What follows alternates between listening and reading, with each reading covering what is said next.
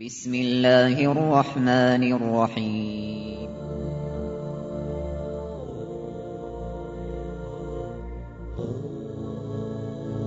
الرحمن العزيز الرحيم القوي السلام الكريم العظيم البصير العليم الحكيم الجبار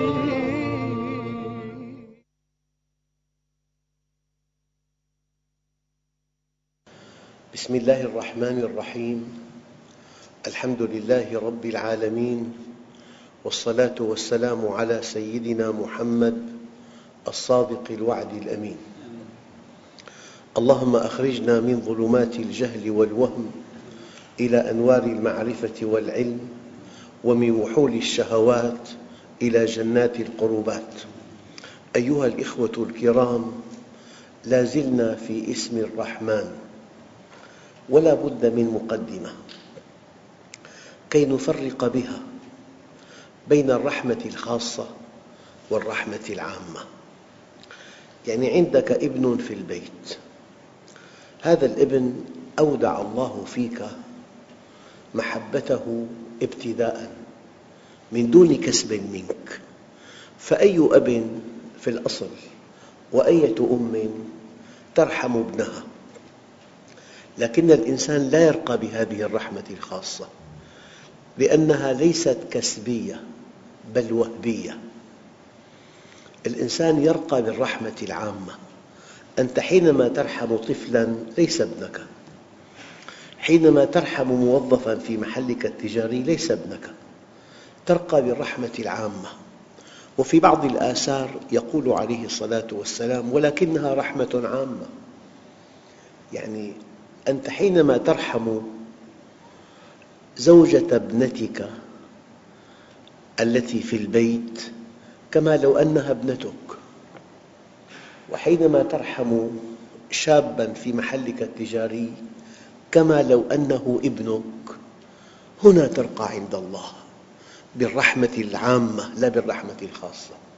الرحمة الخاصة أودعها الله فينا كي تستمر الحياة. ولولا هذه الرحمة الخاصة التي أودعها الله فينا لأولادنا الحياة تقف. طبعاً في دليل رمزي أن أحد الصالحين رأى أماً تقبل ابنها وهي على التنور. فكلما وضعت رغيفاً ضمت ابنها وشمته وقبلته. فتعجب من هذه الرحمة فالله نزعها. فلما بكى ألقته في التنور. يعني الرحمة الخاصة ليست كسبية إنما هي وهبية. من أجل أن تستمر الحياة من أجل أن يربي الأب المؤمن والكافر والفاسق والمستقيم ابنه. وأوضح مثل اذهب إلى مستشفى الأطفال. الأم المتعلمة تبكي والجاهلة تبكي والمحجبة تبكي والسافرة تبكي. يعني شيء طبيعي. الذي يرقى بنا عند الله الرحمة العامة لا الرحمة الخاصة. هذه واحدة. الآن كلمة الرحمن تعني الإله العظيم الذي يؤدب عباده. يسوقهم إلى بابه. يحملهم على طاعته. يعني في رحمة ساذجة. لو فرضنا أم جاهلة تحب ابنها والطعام الذي طبخته رائع جداً لكنه يؤذي معدة ابنها. ابن في معه التهاب معدي حاد فالأم الجاهلة تطعمه هذا الطعام وتسبب له الأذى دون أن تشعر.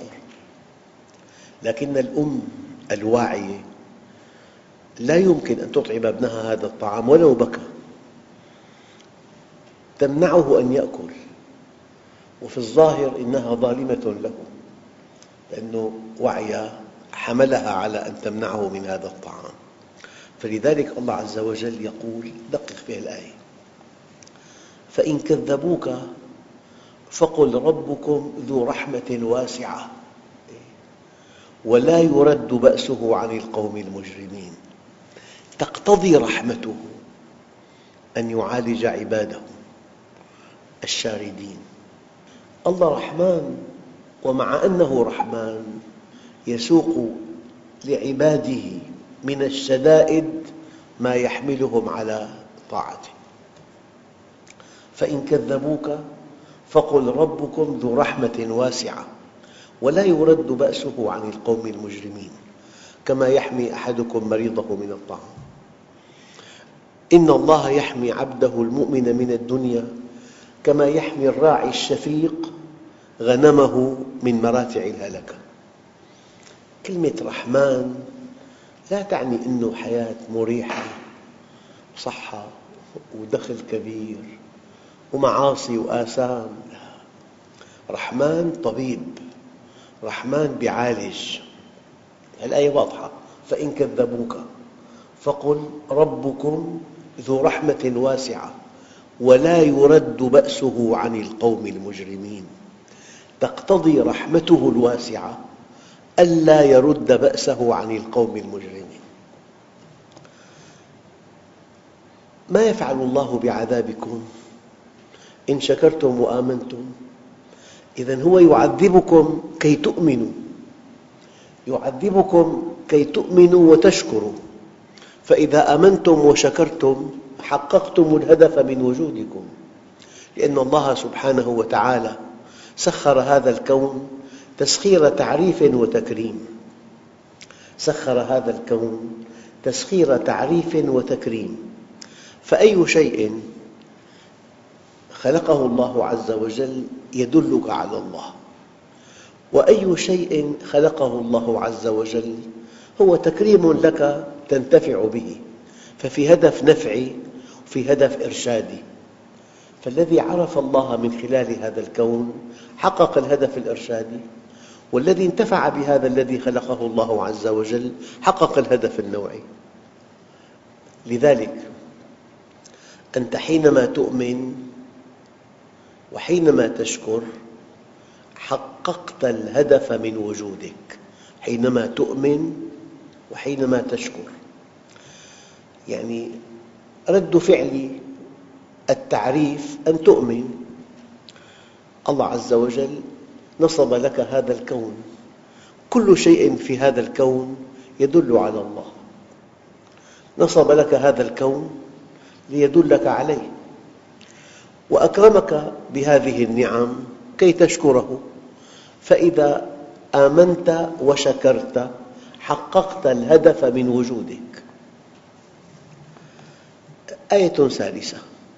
يا أبت سيدنا إبراهيم إني أخاف أن يمسك عذاب من الرحمن فتكون للشيطان وليا. إني أخاف أن يمسك عذاب من الرحمن فتكون للشيطان وليا. لذلك وأسبغ عليكم نعمه ظاهرة وباطنة. هناك نعم ظاهرة المألوفة الصحة والمال والباطنة المصائب. لأن الله عز وجل عن طريق هذه المصائب يسوقنا إلى بابه. عبر عن هذا المعنى النبي عليه الصلاة والسلام فقال عجب ربكم من قوم يساقون إلى الجنة بالسلاسل. آية أخرى قل من كان في الضلالة فليمدد له الرحمن مدا. وأحيانا تقتضي حكمة الله عز وجل أن يمده مدا. برحمة بعلم بحكمة. وآية أخرى إن يردني الرحمن بضر لا تغني عني شفاعتهم شيئا ولا ينقذون. إني إذا لفي ضلال مبين. آية أخرى وإذ قال إبراهيم رب اجعل هذا بلدا آمنا. وارزق أهله من الثمرات. من آمن منهم بالله واليوم الآخر. قال ومن كفر. فأمتعه قليلا ثم أضطره إلى عذاب النار وبئس المصير. الآن اسم الله الرحمن يعني الرحمة العامة. العامة. يعني الله عز وجل يطعم المؤمن والكافر والملحد والفاسق والمنحرف والمجرم كلهم يطعمهم كلهم يستنشقون الهواء كلهم يشربون الماء كلهم يتزوج وينجب أولادا.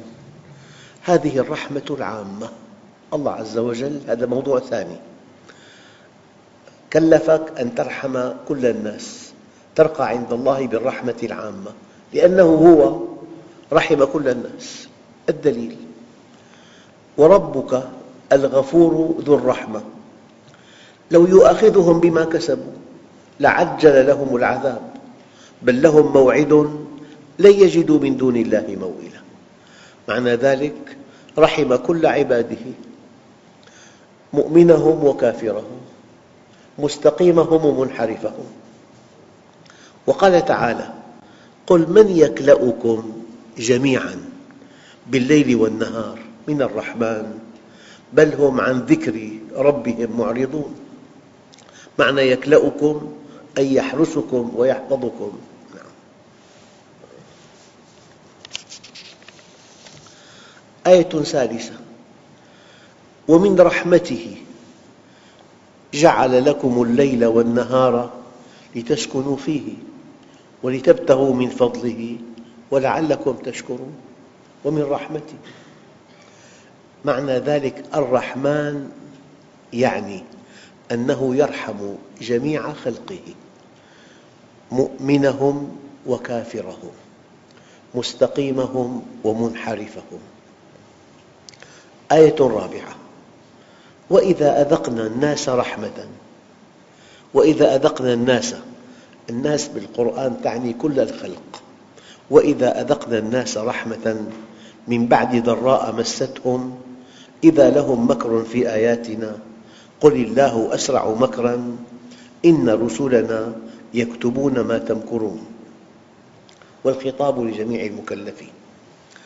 إذا فهمنا أن الله باسم الرحمن يرحم خلقه رحمة عامة. كالأب تماما عنده عدد من الأولاد. واحد بار واحد عاق واحد لطيف واحد قاسي في كلامه. يطعمهم جميعا يكسوهم جميعا يسكنون في البيت جميعا يأخذون المال من أبيهم جميعا يقدم لهم في العيد الحلويات جميعا. لكن قلبه مع من؟ مع الابن البار. فأن يتجلى الله عليك شيء وأن يطعمك شيء آخر. يطعم كل خلقه يسقيهم يكسوهم كل خلقه. ولكن إذا كنت معه إذا كنت مؤمنا به إذا كنت مطيعا له لك معاملة خاصة لك سكينة تلقى في قلبك تسعد بها ولو فقدت كل شيء وتشقى بفقدها ولو ملكت كل شيء. الآن أيها الأخوة من أفضل أنواع الدعاء أن تطلب من الله رحمته. لأن الله خلقنا ليرحمنا. قال تعالى إلا من رحم ربك ولذلك خلقهم. إلا من رحم ربك ولذلك خلقهم. خلقهم ليرحمهم. فمريم ابنة عمران دعت باسم الرحمن. عندما تمثل لها جبريل بشرا سويا وبشرها بعيسى. قال تعالى قالت إني أعوذ بالرحمن منك إن كنت تقيا. أي إن كنت تقيا تتقي الله وتخشى الاستعاذة وتعظمها فإني عائدة منك بالرحمن. فجواب الشرط محذوف دل عليه ما قبله كما يقول علماء النحو. يعني إن كنت تقيا فأنا أستعيذ بالله منك. إن كنت تعرف معنى الاستعاذة ومعنى أن الله موجود ويجيبني أستعيذ بالله منك. النبي عليه الصلاة والسلام قال لمعاذ بن جبل رضي الله عنه ألا أعلمك دعاء تدعو به؟ لو كان عليك مثل جبل أحد دينا لأداه الله عنك. هذا الدعاء لوفاء الدين. وبالمناسبة ورد في بعض الأحاديث من أخذ أموال الناس يريد أداءها أدى الله عنه. ومن أخذ أموال الناس يريد إتلافها أتلفه الله. فأي إنسان في عليه دين؟ إذا كان صادقاً في أداء الدين. إذا كان مريداً أن يؤدي هذا الدين الله جل جلاله في عليائه يوفقه لأداء هذا الدين. قال يا معاذ ألا أعلمك دعاء تدعو به لو كان عليك مثل جبل أحد دينا لأداه الله عنك؟ قل يا معاذ اللهم مالك الملك تؤتي الملك من تشاء وتنزع الملك ممن تشاء وتعز من تشاء وتذل من تشاء بيدك الخير إنك على كل شيء قدير. رحمن الدنيا والآخرة ورحيمهما. تعطيهما من تشاء وتمنع منهما من تشاء. ارحمني رحمة تغنيني بها عن رحمة من سواك. هذا دعاء الدين.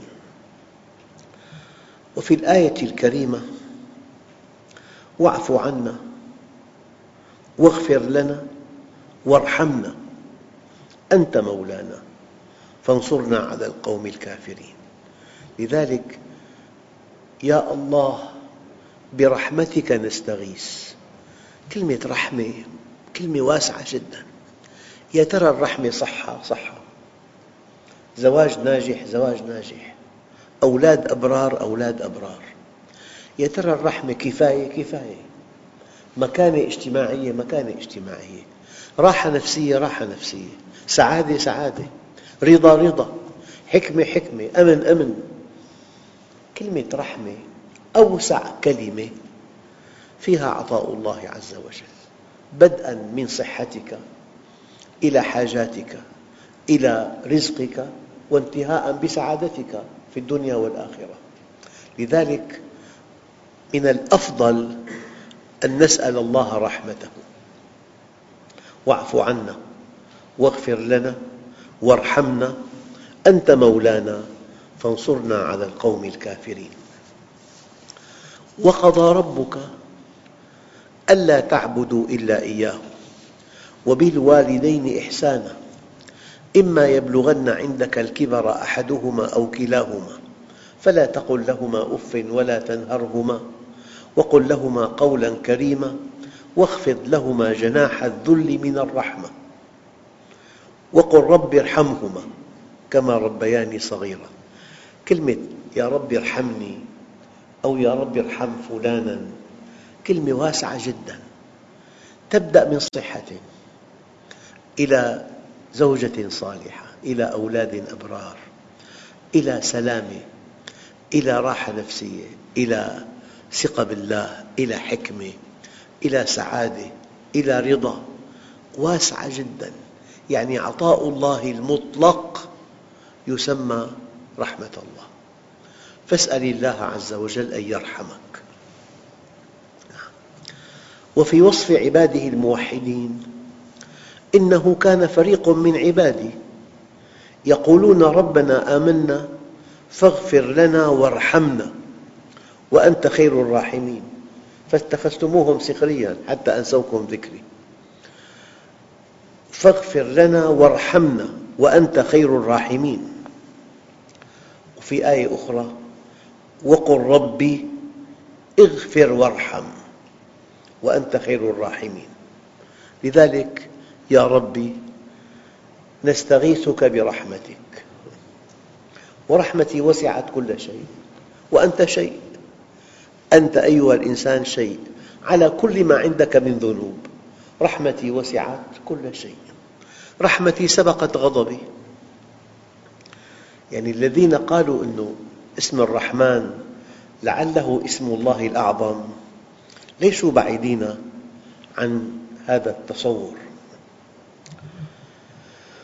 وقال تعالى هل آمنكم عليه إلا كما أمنتكم على أخيه من قبل؟ فالله خير حافظا وهو أرحم الراحمين. أنه أعطى الخلق جميعا رحمة واحدة وعنده التسعة والتسعون. الآن السؤال علاقة المؤمن بهذا الاسم؟ علاقته. أولاً ينبغي أن يمتلئ قلب المؤمن بالرحمة. الدليل فبما رحمة من الله لنت لهم. ينبغي أن يمتلئ قلبك بالرحمة من خلال اتصالك بالله. المتصل بالرحيم في بقلب رحمة والمنقطع عن الرحيم في بقلب قسوة. لذلك فويل للقاسية قلوبهم من ذكر الله. من صفات المؤمن أن قلبه رحيم ومن صفات المنقطع عن الله أن قلبه قاسي. كالحجارة بل أشد قسوة منها. لذلك من علامات آخر الزمان أن ينزع الحياء من وجوه النساء وأن تذهب النخوة من رؤوس الرجال وأن تنزع الرحمة من قلوب الأمراء. لا في بالنساء حياء ولا في بالرجال نخوة ولا في بقلوب الأمراء رحمة. لذلك أنت كمؤمن علاقتك بهذا الاسم أن يمتلئ قلبك بالرحمة والحب والحرص على ما ينفع عموم الخلق.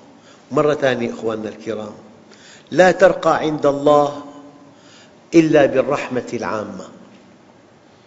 والله مرة كنت بمحل تجاري لكن حالة غريبة جدا. يبيع أقمشة. فحمل الموظف في المحل شاب صغير أول ثوب الثاني الثالث الرابع. قال له ما تقدر قال له شب أنت. ابنه إلى جانبه بسن موحد. حمل ثوب واحد. قال له بابا انتبه لظهرك. لا ترقى عند الله إلا إذا كانت الرحمة عامة. أقول لكم كلمة أرجو أن تكون أن تعذروني بها. إن لم ترحم الخادمة في البيت كما لو أنها ابنتك أنت مقصر جدا في الإيمان. إن لم ترحم زوجة ابنك في البيت كما لو أنها ابنتك أنت عنصري. لذلك ولكنها رحمة عامة. بطولتك كمؤمن أن ترحم كل الخلق. نعم. أما كل الناس يرحمون أولادهم. توحيد العبد لهذا الاسم في سلوكه يقتضي دققوا يقتضي الرحمة العامة بعباد الله. سواء كانوا مؤمنين أو كافرين. فالمؤمنون يحب لهم ما يحب لنفسه. فيوقر كبيرهم ويرحم صغيرهم. ويجعل رحمته موصولة إليهم يسعد بسعادتهم ويحزن لحزنهم. أما رحمته بالآخرين فيحرص على دعوتهم ويسهم في إخماد كفرهم والنار التي تحرقهم ويجتهد في نصحهم والأخذ على أيديهم. نعم فلذلك ينبغي أن تكون الرحمة عامة. يقول الله عز وجل ويوم يعض الظالم على يديه يقول يا ليتني اتخذت مع الرسول سبيلا. يا ويلتي ليتني لم أتخذ فلانا خليلا. لقد أضلني عن الذكر بعد إذ جاءني وكان الشيطان للإنسان خذولا. لذلك روى أبو داود من حديث عبد الله بن عمر أن النبي صلى الله عليه وسلم قال الراحمون يرحمهم الرحمن. ارحموا أهل الأرض يرحمكم من في السماء. والله لا يضيع عند الله شيء. ارحموا من في الأرض يرحمكم من في السماء. وفي المسند من حديث عبد الله بن عمر أن النبي صلى الله عليه وسلم قال وهو على المنبر ارحموا ترحموا. واغفروا يغفر الله لكم. ويل لأقماع القول. كلام دقيق. ويل للمصرين الذين يصرون على ما فعلوا وهم يعلمون. من هم الأقماع؟ هم الذين يسمعون القول ولا يعملون به. شبه النبي آذانهم بالأقماع. لا القمع تصب فيه السائل لا يمسكه. قمع ممر. ففي إنسان آذانه كالقمع يدخل الكلام منها ويخرج ولا يتأثر. أيها الإخوة الكرام في صحيح مسلم من حديث ابن عمر رضي الله عنهما أن رسول الله صلى الله عليه وسلم قال إن أحب أسمائكم إلى الله عبد الله وعبد الرحمن بمسلم إن أحب أسمائكم إلى الله عبد الله وعبد الرحمن هذا من جهة التسمية. فقد تسمى به كثير من المسلمين وعلى رأسهم عبد الرحمن ابن عوف وهو من العشرة المبشرين بالجنة. هاجر الهجرتين وشهد بدراً وأحداً والمشاهد كلها مع رسول الله صلى الله عليه وسلم. إذا البطولة أن ترحم كل الخلق وأن تكون الرحمة التي أودعها الله في قلبك رحمة كسبية فضلاً عن الرحمة الوهبية. بالوهبية ترحم أولادك أما بالكسبية ترحم جميع الخلق. ولن تكون عند الله مقرباً إلا إذا كانت الرحمة التي في قلبك رحمة عامة. والحمد لله رب العالمين. بسم الله الرحمن الرحيم. الحمد لله رب العالمين. والصلاة والسلام على سيدنا محمد الصادق الوعد الأمين. اللهم أعطنا ولا تحرمنا أكرمنا ولا تهنا آثرنا ولا تؤثر علينا أرضنا وارض عنا. وصلى الله على سيدنا محمد النبي الأمي وعلى آله وصحبه وسلم والحمد لله رب العالمين الفاتحة